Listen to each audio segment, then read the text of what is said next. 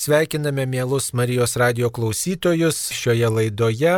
Artėjant motinos dienai kalbame su viena iš mamų, juk pirmasis gegužės sekmadienis Lietuvoje motinos diena.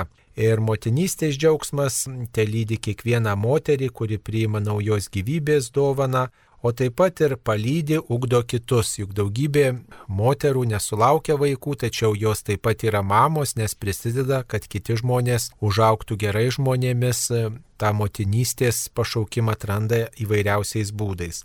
Taigi artėjančios motinos dienos proga kalbiname Rasą Lizdenienę. Sveiki gyvi, mėla Rasa. Sveiki.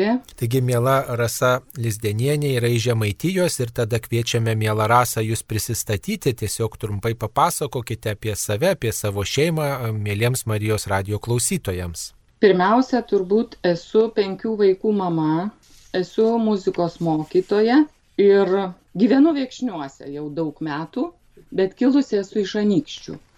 Meilės emigrantė, nes žemaičiai nuo aukštaičių labai skiriasi. Taip, tai labai gražu, kad e, užauginote tokią gausią šeimą. Tai kiek vyriausiam jūsų vaikui ir jauniausiam, koks tas vat, e, paletė kokia? Mm, paletė didoka yra, vyriausiai yra 37 metai, o mažai 19. Taip, ir. Taip, trys dukros, du sunai. Trys dukros ir du sunai. Ir vienas iš jų yra kunigas, o kitų gal kokie keliai, gal galite kažkaip irgi trumpai pasakyti. Vyriausioji yra psichologė, psichoterapeutė. Antrasis yra sunus, šiuo metu Telšių viskupijos šeimos centro direktorius. Trečiasis yra kunigas ir šiuo metu studijuoja Romoje o ketvirtoji ir penktoji dar studijuoja viena magistrantūros studijose o kita šiemet pradėjo bakalauro studijas. Tai namuose šiemet likom jau vieni patys pirmi metai. Taip su vyru. Ir kaip vyro vardas jūsų Vitalis. Vitalis, Rasa ir Vitalis Lizdeniai. Penki vaikai, tai tikrai yra ką veikti ir tėčiui, ir mamai. Galbūt pradėkim nuo to, mėla Rasa, kaip jūs e, priėmėt motinystės dovaną, ką išgyvenote. Tai buvo tas laikas, kai pirmas vaikelis atėjo į šitą pasaulį, o gal su tuo motinystės pašaukimu dar kažkaip iš, iš anksčiau susidūrėte. Kokia ta pradžia buvo pasitinkant motinystę jūsų gyvenime? Turėjau. Aš turbūt tą pašaukimą iš vaikystės net paauglystėj kadangi buvau mažoj šeimoj tai eidavau pas kaimynus vaikų pažiūrėt. Be galo širdis linko prie vaikų. Ir kai tuokėmės tai turėjau planą kad du keturi vaikai turėtų būti. Ir žinoma visada nustebina vaikai nes pasaulis labai gerai žino kaip padaryti kad vaikų nebūtų bet gerokai mažiau išmano, kaip padaryti, kad vaikų būtų. Taigi teko susidurti su tuo, kad vaikai yra Dievo dovana ir pirmo vaiko lauktis pradėjom būdami studentai, bet be abejo pirmas vaikas tai yra patvirtinimas, kad jų iš viso bus ir tai yra džiaugsminga bet kuriuo atveju, tuo labiau, kad šeimos e, tikrai buvo religingos, turėjom labai gražiai iš tėvų perduotą patirtį. Paskui tas pirmas vaikas be galo savarankiškas buvo, kai atsistojo į kojas metų, taip ir išėjo ir savo, į savo pasaulį, tai labai troškom antro vaikelio, kad būtų vėl mažiukas, galėtume pasidžiaugti. Va, o paskui jau kažkaip ir gerai yra, dukrelė yra sunus, yra darbas, bet buvo pažadas vyrui, kad bus ir daugiau tų vaikų. Ir praėjo metai antri, treti, jau pradėjo to pažado vyras kaip ir spaust, tai kaipgi čia dabar su tuo trečiu. Va, ir tas trečias gimė. Ir tuo laiku sesuo laukėsi vaikelio, pametinukai vaikelį, mes pasiemėm jos mažutę mergaitę, kol, kol jinai ligoniniai, kad galėtų saugiai būti. Ir taip gražu laksto ta mergaitė čia po, po namus tokia mažytė. Ir gal kaip gerai būtų dar dukrelę turėti. Ir sako, dievulis, prašau, tada aš sakau, gal ne taip greitai, bet jau teko susitaikyti su tuo, kad tas ketvirtas vaikas pareina ir gyvenom pas tėvus tuo metu jų name, kažkaip labai, labai jau taip keistai atrodė, tai kurgi mes čia visi tilpsim, kaip čia bus. Ir ta motinystė tokia tuo momentu sukėlė tokį m, truputį išgasti, bet begalinį palaikymą turėjau iš vyro, Jis net nei sekundžiai neleido suabejot, kad viskas bus gerai. Tai aišku, apie jokį atsisakymą vaikų mes niekada negalvom, nebuvo šito niekada versijose, bet tiesiog va, tas išgastis, kaip mes susitvarkysim, kaip mes pragyvensim, kas čia bus. Tai va, ir tada tuos keturis auginom, auginom, auginom ir jie pradėjo mus terrorizuoti. Štai dėdė, sako, susilaukė dukrelės, o, o jūs ką, tėvai? Daugiau nebus, nu sakom žinot jau ir sveikata čia širdį šlubuoja čia finansai vaikštot kiaurais batais. Kokių jums dar vaikų čia reikia? Ir tada stovi tie du tokie mažieji ką žinau jiem ten kokie šeši septyni metai buvo. Ir jie sako bet mes vis tiek melsimės kad jūs turėtumėt dar vaikų. Na ir pasimeldė jie turbūt ne vienerius metus bet galiausiai sulaukėm ir pagrandukės. Tai vat dievulis tiem kurie patys neapsisprendžia ir abejoja savo galimybėmis kartais tiesiog stumteli į glėbį, kad aš tai jumis pasitikiu ir auginkit jūs tuos penkis vaikus. Ir kaip matot, jau iki studijų ir užaugino, mokyti jau ir visai savarankiški. Turbūt kaip pirmo vaikelio laukit, galbūt buvo daugiausiai nerimo, gal jaunystėje buvo tokia drąsa, e, didžiulė tokia, žinot, kai gimsta vaikelis, tai nežinai nei kaip jį paimti, kaip kurios šeimos dalyjasi, nei, nei kaip jį nuraminti, kai verkia, nei kaip jį paguldyti, nei, nei kaip jį maitinti, nei, nei, nei kaip ten suvystyti, nei kaip, žodžiu, kitaip su juo apseiti, o paskui jau kitus vaikus auginant, kaip mamos pasakoja, šeimos pasakoja, jau sako, atrodo viskas savaime, rankos pačios tarsi tą vaikelį vaikelį ir, ir suvysto, ir, ir nuramina, ir priglaudžia, ir, ir žino, kaip jį reikia imti, laikyti, kaip nuraminti. O kaip buvo jūsų šeimoje? Mesgi studentai, mes viską žinom, mes drąsūs. Aš mažiausią vaiką gyvenime buvau mačius kokių trejų metų turbūt, kai gimė ta pirmagimė. Tai jau parsivežėm namo, tada ligoninė juos supakuodavo į tokią malką ir mes jų nematydavom, tik veidelį parsivežėm namo, reikia tą vaiką pervystyti, nu nesakau, aš tai jo į rankas neimsiu, tu kaip nori, tu čia turėjai daug sunienų dukterėčių, tvarkykis pats pirmą dieną. O vėliau, o vėliau be abejo, tie įgūdžiai atsiranda žaibiškai dėl to, kad nėra kito pasirinkimo. Va, o dėl kitų vaikų, nu, žinokit, vis tiek tų surprizų būna. Nėra taip, kad tu jau vieną užauginai, tai jau tu ir toks žinovas visų reikalų. Ir kuo daugiau vaikų, tuo daugiau supranti, kad mažai žinai apie tai. Tai tos, tos patirtis tokios, jos yra išgyvenamos.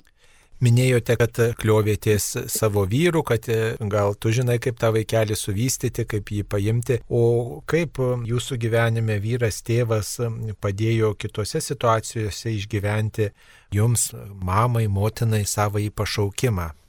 Turbūt net nežinau, ar man išmeldė kas nors, ar aš pati buvau tokia protinga, bet aš išsirinkau savo tobulą vyrą. Ir mes esam bendraminčiai visose srityse - ir profesijoje, ir tikėjime, ir tėvinės meilėje, ir vaikų auginime. Tiesiog kažkaip aš įsivaizdavau, kad aš esu tokia stipri katalikė, patriotė, aš tokia tvirta, mano iš šeimos tas tvirtumas pareina bet paskui supratau kad jeigu ne vyras tai visas mano tvirtumas būtų labai greitai išgaravęs. Begalinis būdavo džiaugsmas pasitinkant kiekvieną kartą žinią kad štai naujas kūdikis pareina.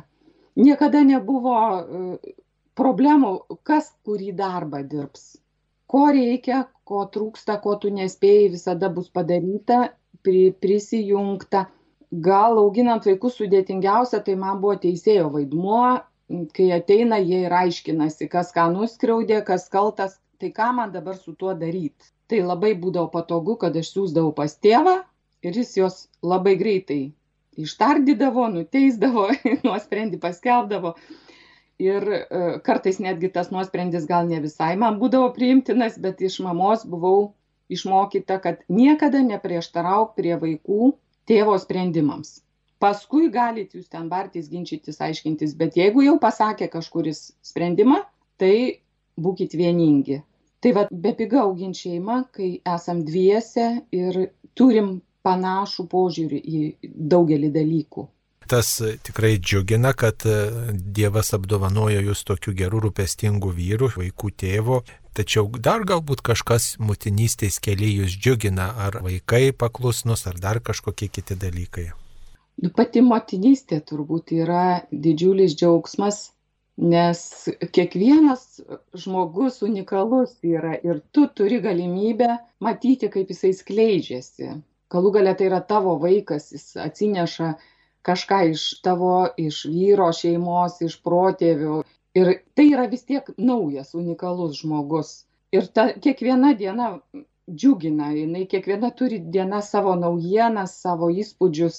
Aišku, yra ir liūdinančių dienų, bet vis tiek tai yra naujas išgyvenimas, tai nepanaugodžiausi su vaikais. Kitas didžiulis džiaugsmas yra matyti, kaip vaikai tave prauga. Visom prasmėm. Geresni, išmintingesni, geresni profesionalai, kaip, kaip žmonės, talentais apdovanoti tai yra nu be galo gera matyti jeigu kitiem galbūt žmonėm tu truputį netgi tokio negero pavydo jauti kad jie čia už tave geresni gudresni ir visokie kokie tai vaikai labai džiugina kai jie didėja ir tu lieki tik tai toksai takelis į gyvenimą Minėjot, kad yra ir tų tokių nelengvų dalykų, nelengvų dienų. Taigi motinystės keli, kas jums kelia didžiausią rūpestį, kas yra sunkiausia.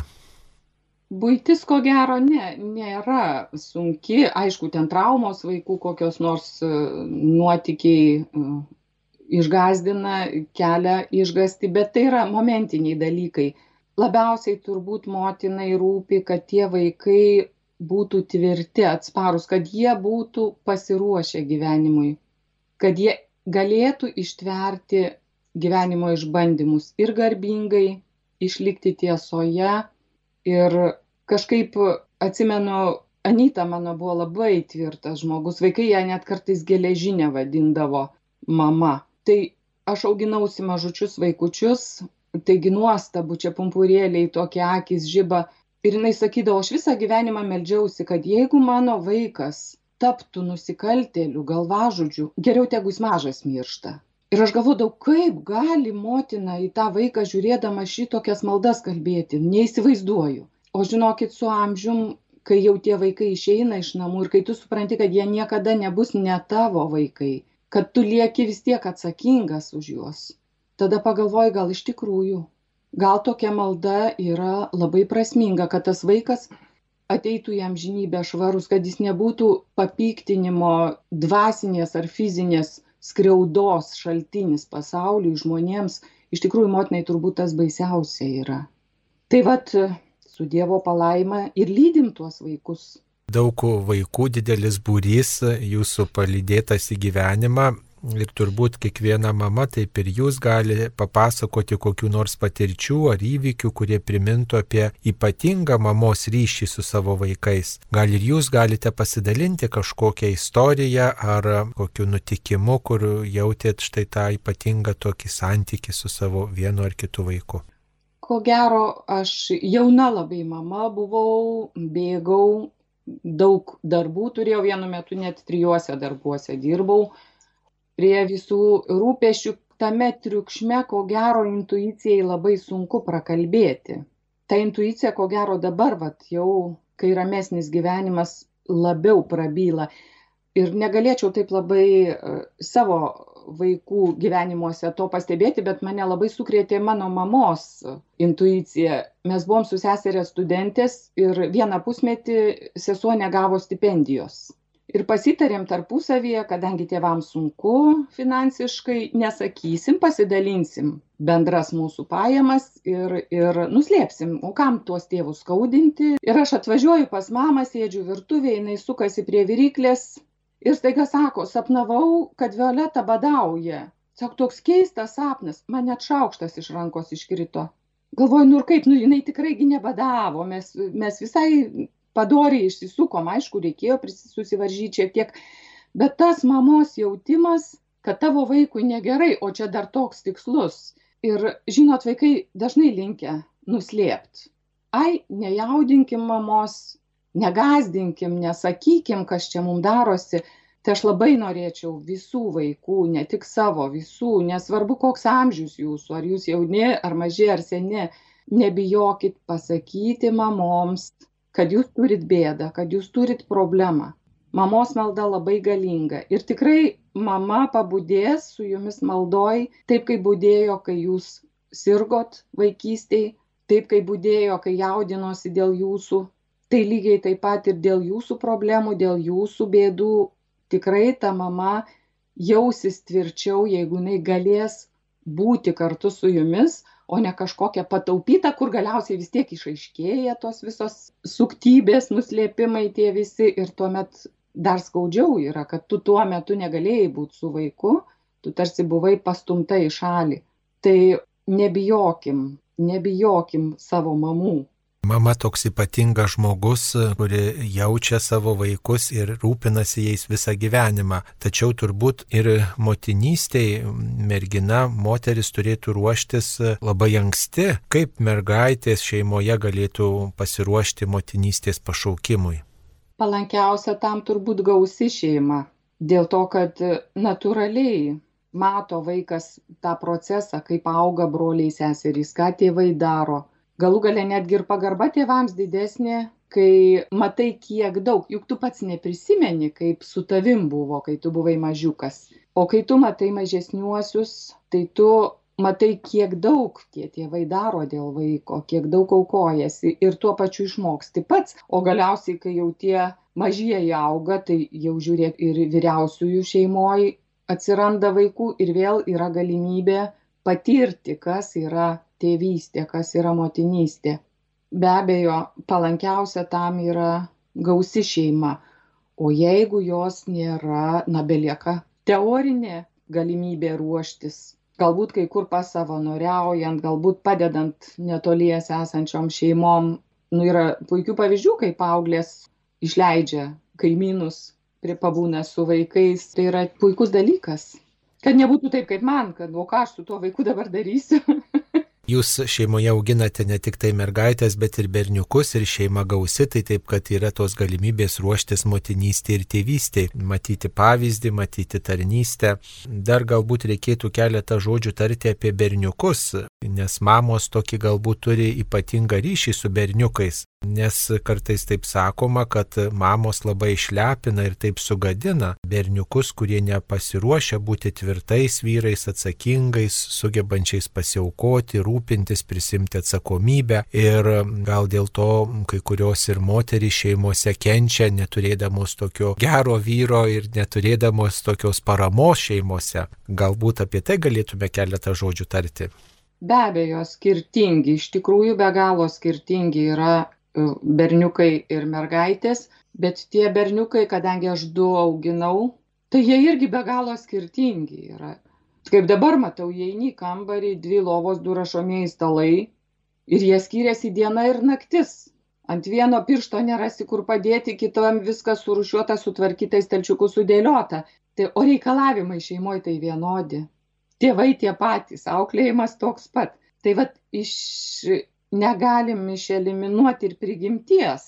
Tai to, ką jie atsineša į gyvenimą, be abejo, yra tendencija tokia tos, ypač kai vaikų mažai, visuomenė be galo linkusi juos lepinti. Nemylėti, bet lepinti. Kad tik nepatirtų jokio sunkumo, kad tik tai viskas būtų paduota, padaryta, komfortas šiek tiek priklauso ir nuo pačios mamos, aš galvoju, nu vat aš tokia karinga buvau toks jau tokia mano patirtis gyvenimo buvo kad nuo trejų į darželį pėdinau kiekvieną dieną vėliau keturiolikos išvažiavau studijuoti jau iš namų muzikos ir reikėjo pačiai savim pasirūpinti ir apsiginti. Galų gale mes buvom anai visuomenei nepriimtini žmonės nes tėvai buvo lagerius iškentėję ir neatsisakė nei patriotizmo, nei krikščionybės, tai nebuvom nei pionieriai, nei komjaunuoliai, tai prieš visuomenę visą laiką gynybinė pozicija buvo.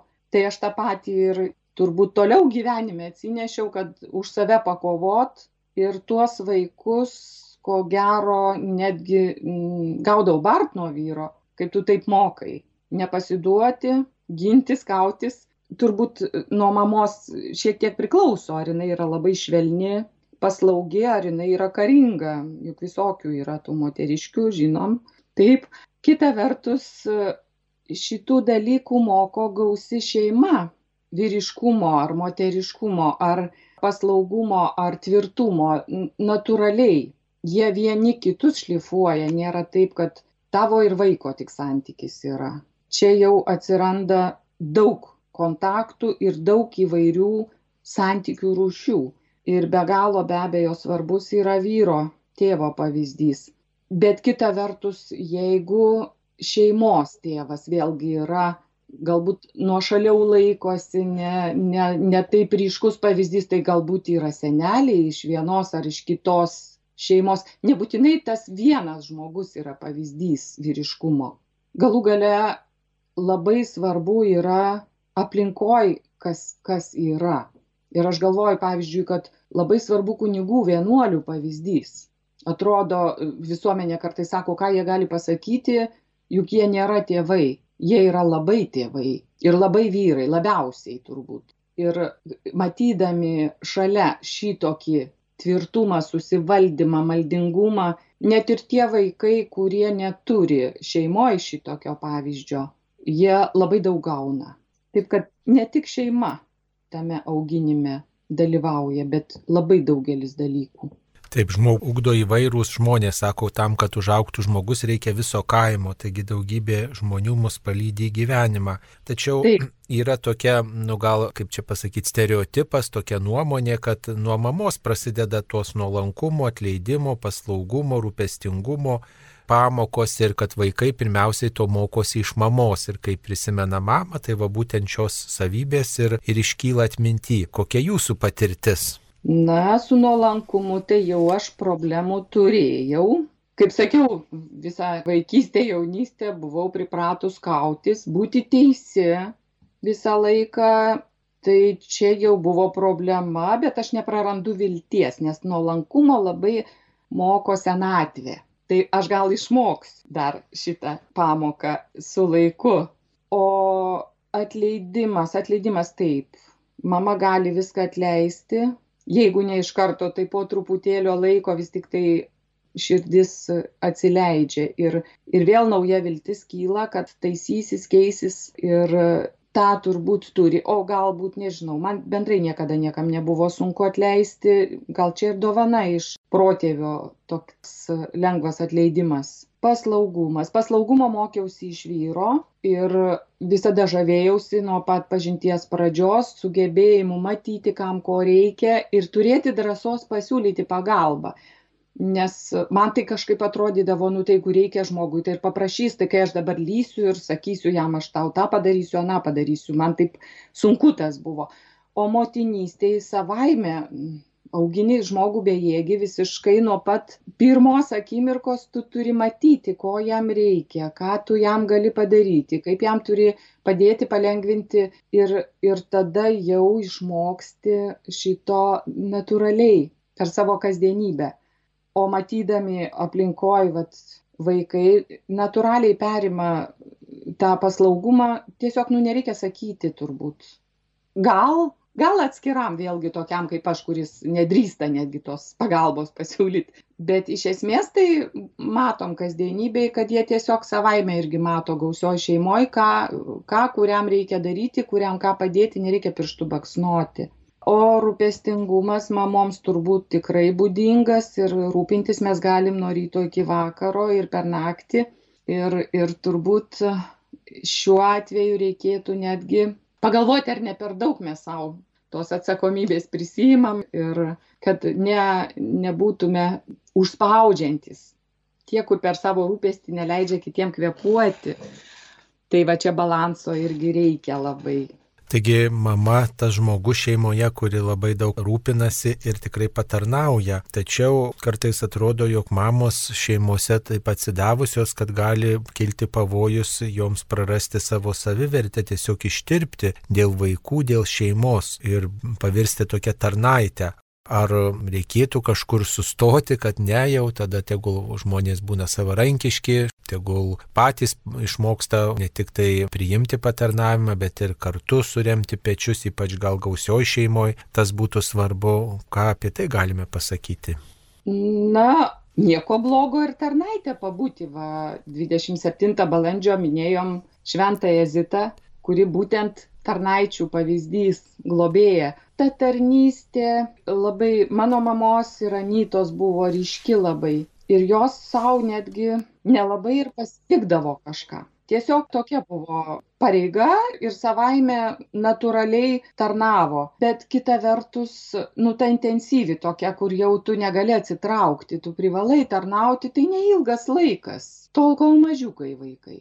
Vėliau vis tiek jie pagal amžių pagal jėgas įsijungia į tuos darbus ir su malonumu įsijungia netgi svarbu jų per daug nenustumti kad aš greičiau pasidarysiu ir geriau ką tu čia man maišysiesi po kojom. Ir vėlgi vat gausios šeimos privalumas yra darbų pasidalinime.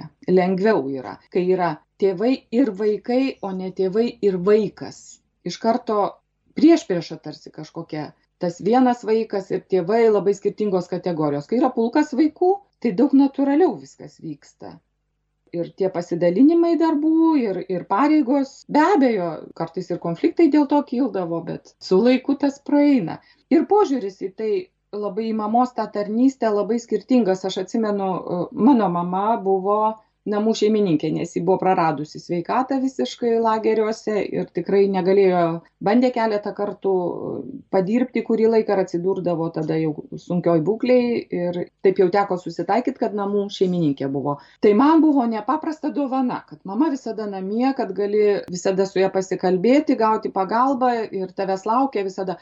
O sesuo sakydavo kad man tai nesmagu kad mūsų mama tai namie sėdi nes kitų tai dirba jos tokios iškilmingos gudrios o čia va tokia naminė mama. Tai čia vėlgi turbūt labai priklauso nuo požiūrio nuo santykio nuo poreikių. O kad ta savivertė nenukentėtų be abejo smagu kai truputį gauni kažkokios paramos nėra taip kad tavo pareigos tai užkaltos mėtų ir niekas kitas šito nepakeis tavęs. Juk yra dalykų kuriuos gali ir kiti padaryti nebūtinai tik mama. Kaip galvojat apie perdengimo sindromą nes vis tiek mama daug tarnauja kartais gali pasidalinti tai tais darbais su kitais tačiau kartais galbūt ir pati viena velka tą naštą. Ar grėsia perdegimo sindromas mamai žinokit abejoju aš dėl to kad tai yra instinktas motinystė nėra dirbtinė kažkokia struktūra ne darbas. Tai aš manau kad tam duotos ir prigimtinės savybės kažkokios. Nu nemąstom kad kažkuris kitas gyvūnas savo vaikų neaugintų. Natūraliai jiem tas gaunasi nereikia nei proto. Tai o čia dar turi ir protą gal jis kartais ir pamaišo be abejo iškelia pernelyg didelius reikalavimus. Perfekcionizmas toksai kad viską turiu padaryt tobulai galbūt šiem laikam būdingas. Bet vėlgi nu tai nėra toks monotoniškai nepabaigiamai varginantis darbas nes vaikai džiaugsmą teikia. Tu nuolat gauni atgarsį atlygį už tai ką tu darai tu matai rezultatus labai greitai kitas dalykas jeigu rutina labai vargina tai mes dar turim dvasinį gyvenimą nėra viskas vien fizinėj plotmėj. Jeigu yra malda jeigu yra eucharistija tai šitie šaltiniai neišsenkantys yra. Ir turbūt kad atgauni jėgas ir gali toliau tarnauti kita vertus vėlgi nu moterys yra skirtingos ir dabar niekas nesvarsto apie pašaukimą šeimai. Sako tu turi pašaukimą ten profesijai kunigystei vienuolystei o šeimai tai savaime visi turi turėt tą pašaukimą. Nu taip nėra. Taip nėra.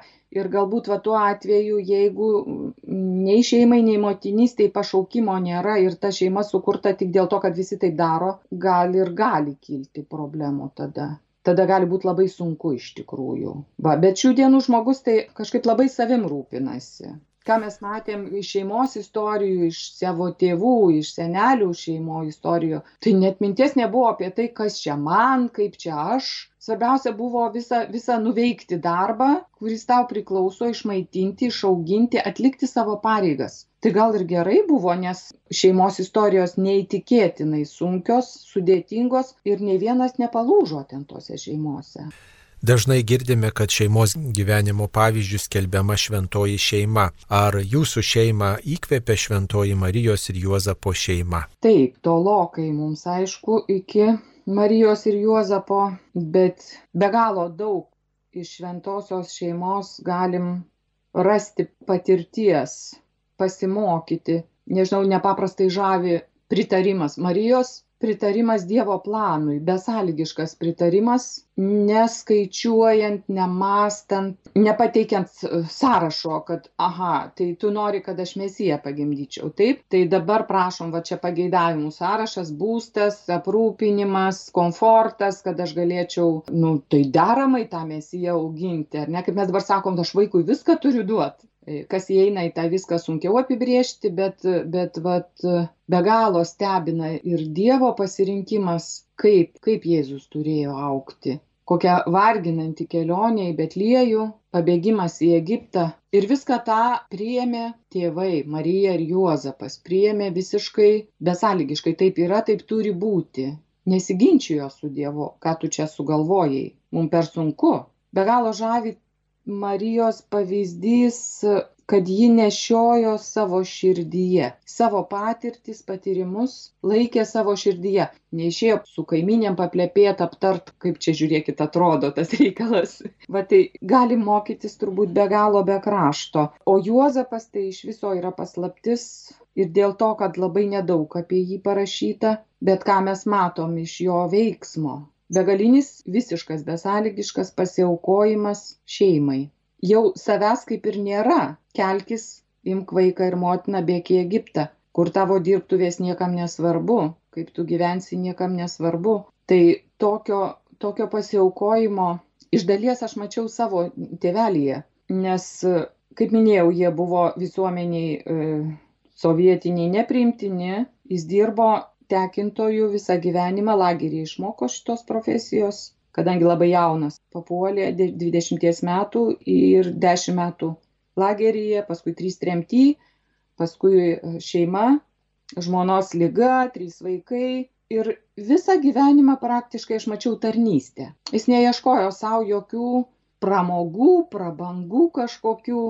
Laimingas tarsi tuom, kad turi vaikų, kad augina vaikus, niekada negirdėjom priekaištų, kaip jūs nedėkingi kokie nors, kaip jūs nepakankamai čia pagarbos mum rodot. Tai vad tas tėvo tokio nepalaužiamo, ne, ne kaip už pečiaus, kaip sako, kad jis nepasiduos jokiom aplinkybėm. Tai vad Juozapas turėtų būti tokio tėvo pavyzdys ir turbūt pagalba. Atsimenu, uošvis nuolat maldose jo nu jis ir juozapas vardu buvo bet dar iš to praeito šimtmečio pradžios tradicijos buvo labai įprasta. Jėzau marija juozapai šventas meldžiantis tas tas tokias maldas prašyt pagalbos. O o mes jau kai augom tas juozapas kažkaip buvo paliktas nuošaly lyg tai nelabai ir reikšmingas. Labai dera šiais šeimos metais labai gera yra atsigręžti į šventąją šeimą ir pamastyti, kasgi ten yra. O kaip jūsų šeima ruošiasi pažymėti šiuos šeimos metus? Nu, paradoksaliai sakyčiau, dėl to, kad kaip niekada tas karantinas ir baimė kitus užkrėsti atribojo šeimą. Jeigu pas mus natūraliai per visas šventes mažiausiai 16 šeimos narių susėsdavo prie stalo, tai šiemet pirmus metus dviese Velykas šventėm tokia keista, tarsi šeimos ilgesio situacija. Bet Dievas maloningas ir šiemet aš tai laukiam, vienas jau gimė ir antras dar vaikaitis pareina į pasaulį, taigi šeima plečiasi ir šiek tiek turbūt tas laikas labiau į save permastyti savo gyvenimą siūlo, kadangi nėra tiek daug veiksmo aplinkui. Tai gal ir gerai tas toks nutilimo ir, ir sustojimo laikas, pasižiūrėti, kas mes vieni kitiem mes ir ką veikiam, ir ką reikia veikti, o daugiau kažko ypatingo tikrai neplanuojam. Dar norėjau paklausti apie tokius garsius Šventojo Jono Pauliaus antrojo žodžius - šeima tai namų bažnyčia. Turbūt jūsų šeimoje tie žodžiai išsipildo pačia tiesioginė prasme, nes iš tiesų yra ir maldos gyvenimas, ir tarnystė, ir pasiaukojimas, ir sakramentai draugė švenčiami, ir tas tikėjimo perdavimas vaikams, ką dar galime pridurti, ką papasakoti galbūt su kokiais sunkumais susidurėt, kai vaikam perteikėt krikščioniškas nuostatas, ar susidūrėte su maištu, kritika, ypač kai vaikai paaugliai buvo. E, na, mum abiem labai pasisekė, nes ir seneliai, ir tėvai be galo buvo giliai tikintis ir mes augom natūraliai, galvodami, kad sekmadienio mišių neįmanoma praleisti. Tai sukūrė savo šeimą, labiau, kad vyras vargoninkavo visą tą laiką. Tai kasdienybė, kasdienybė pilna tikrai ir maldos, ir laiminimų, ir pasitikėjimo Dievu be abejo paauglystė gal kiek sudėtingesnis laikas bet buvo dėkingas nes jau buvo nepriklausoma lietuva jau atsirado tikybos pamokos atsirado ateitininkai. Tai parama kai tėvų autoritetas šiek tiek pasidaro nebe toks reikšmingas gelbėjo kiti dalykai. Bet kita vertus mudu su vyru tai kaip kokia kinų siena nei apeisi nei perlipsi. Buvo vaikam aišku absoliučiai kad kitaip nebus. Šiokiadieniais norit einat norit ne sekmadienį mišiose dalyvaujat ir patys vaikai kažkaip ne taip teroristiškai aš atsimenu nuotykį nuvažiavom pas mano krikšto tėvelį kunigą vincentą vėlavičių ir nedidukai dar tie vaikai buvo vyresnėlei buvo dešim mažajai keturi metai. Ir jis klausia o kaip su poteriais ar moka mažoji? Sakau nu tėve mūsų sveika marija moka o didžioji dukra pareiškė ir tikiu dievą tėvą moka. Sakau kaip? Nu sako aš ją išmokiau. Tai sukalbėk. Prašau sau keturmetė ir pliekia sau tikiu dievą tėvą. Tai netgi nu natūraliai tie dalykai perimami yra kaip ir viskas kaip tėvų gyvenimas vis tik įauga vaikams. Turbūt kiekvienoje šeimoje yra svarbios tos vertybės, kurias turi tėvai, seneliai, jeigu jos yra dėgiamos ir vaikai priima, o galbūt turit kažkokių relikvijų šeimos ar paveikslų, kažkokių kitų daiktų, kurie tarsi talkininkai perteikiant vienas ar kitas šeimos nuostatas, vertybės. Įdomus nutikimas buvo jau netaip seniai, prieš kokį 15 metų, mamytė mano jau sunkiai sirgo, kadangi, kaip sakiau, jie buvo jaunystėje nuteisti tai jie net nuotraukų neturėjo iš savo praeities iš savo šeimų visiškai nutrūkęs perdavimas. Tuo labiau kad mama buvo našlaitė ji septynių metų neteko savo mamytės sirgo mirė dvylikos metų tėvelio. Ir štai vat prieš tuos penkiolika keturiolika metų mes nuvykom į tėviškę mamos ir tuose nameliuose prosenelių dar gyveno nusipirkę kaimynai buvo. Įėjom į vidų ir sako mama juk čia mano mamytės paveikslas pas jus kabo ta šeimininkė sako taip čia jūsų paveikslas buvo supirkėjai atėję norėjo kaip seną daiktą paimti bet aš nedaviau. Nežinau kodėl sako bet aš nedaviau. Ir tada mama papasakojo kad tą sopulingusios motinos paveikslą tėvelis merdinčiai mamai parvežė iš šiluvos. Jinai buvo mažutė septynių metų bet jinai atsimena tą dalyką ir vėliau tas paveikslas namuose kabėjo. Ir ir sako jinai tai šeimininkei sako gal jūs man galit atiduot tą paveikslą? Sako prašau imkit. Ir tas paveikslas kabėjo paskutinius metus prie mamytės lovos ir dabar jis paliko mano namuose močiutės kurios aš niekada nepažinojau nežinojau. Žinokit man tai ypatingas ryšys aš nė vienų senelių neturėjau jie buvo mirę kai aš gimiau jau. Ir čia staiga va toks nežinau senelių meilės liudijimas tos maldos liudijimas. Va tas paveikslas jis meninės vertės jokios turbūt neturi bet bet jis turi ypatingą vertę kaip relikvija šeimos kaip priminimas iš kartos į kartą. Na tai turbūt kai tokių ženklų turite kaip tokia miela šeima tai jūsų gyvenimo kely nėra vienišumo iššūkio ar taip? Jo trūksta kartais Taip, vienatvės, tokios gal vienišumo ypatingo ne, bet vienatvės kartais trūksta. Na tai šitas karantinas proga kartais irgi truputį tuos staptelėti ir tuos ryšius iš kitos perspektyvos apmastyti. Taip, taip. Tai galbūt dar galima, baigiant mūsų pokalbį, keletą žodžių tarti apie tas mamas, kurios nesulaukia tokio palaikymo šeimoje, vis tiek bendraujate galbūt ir darbe, ir įvairiuose kitose susitikimuose su įvairiom moterimis, su įvairiom šeimom ir turbūt girdite, kad gal kartais e, kitų tų šeimose mamos ir smurto patiria ir, ir tokio nesupratimo ir nepalaikymo, jos ten vienos tikinčios yra ir, ir vyras gal nelabai ir tiki. Kokio palaikymo reikėtų šeimoms, ypač, va, ką galėtume joms pasakyti, kokį paguodžiantį padrasinantį žodį šių metų motinos dienos proga. Taip, be galo sunku yra, kai artimiausias žmogus e, ne tik nepritarė, bet ir trūkdo, pyksta netgi dėl tavo pasirinkimų ir begalinio tvirtumo reikia motinai, bet jeigu jos neužmiršta, kad jos apdovanotos ypatinga malonė. Dievas nesugalvojo, nepriemė kito būdo kurti naują žmogų, kaip tik per motiną. Tai šitokia dovana būti Dievo bendradarbė, dovanojant gyvenimą, tai yra didesnės garbės dovanos negali būti. O kaip ištverti tą sunkę kasdienybę, na, mes tik tai galim iš šventųjų turbūt mokytis. Tikrai yra įvairiausių e, patirčių, įvairiausių sunkumų ištvėrusių ir Dievas niekada neapleidžia.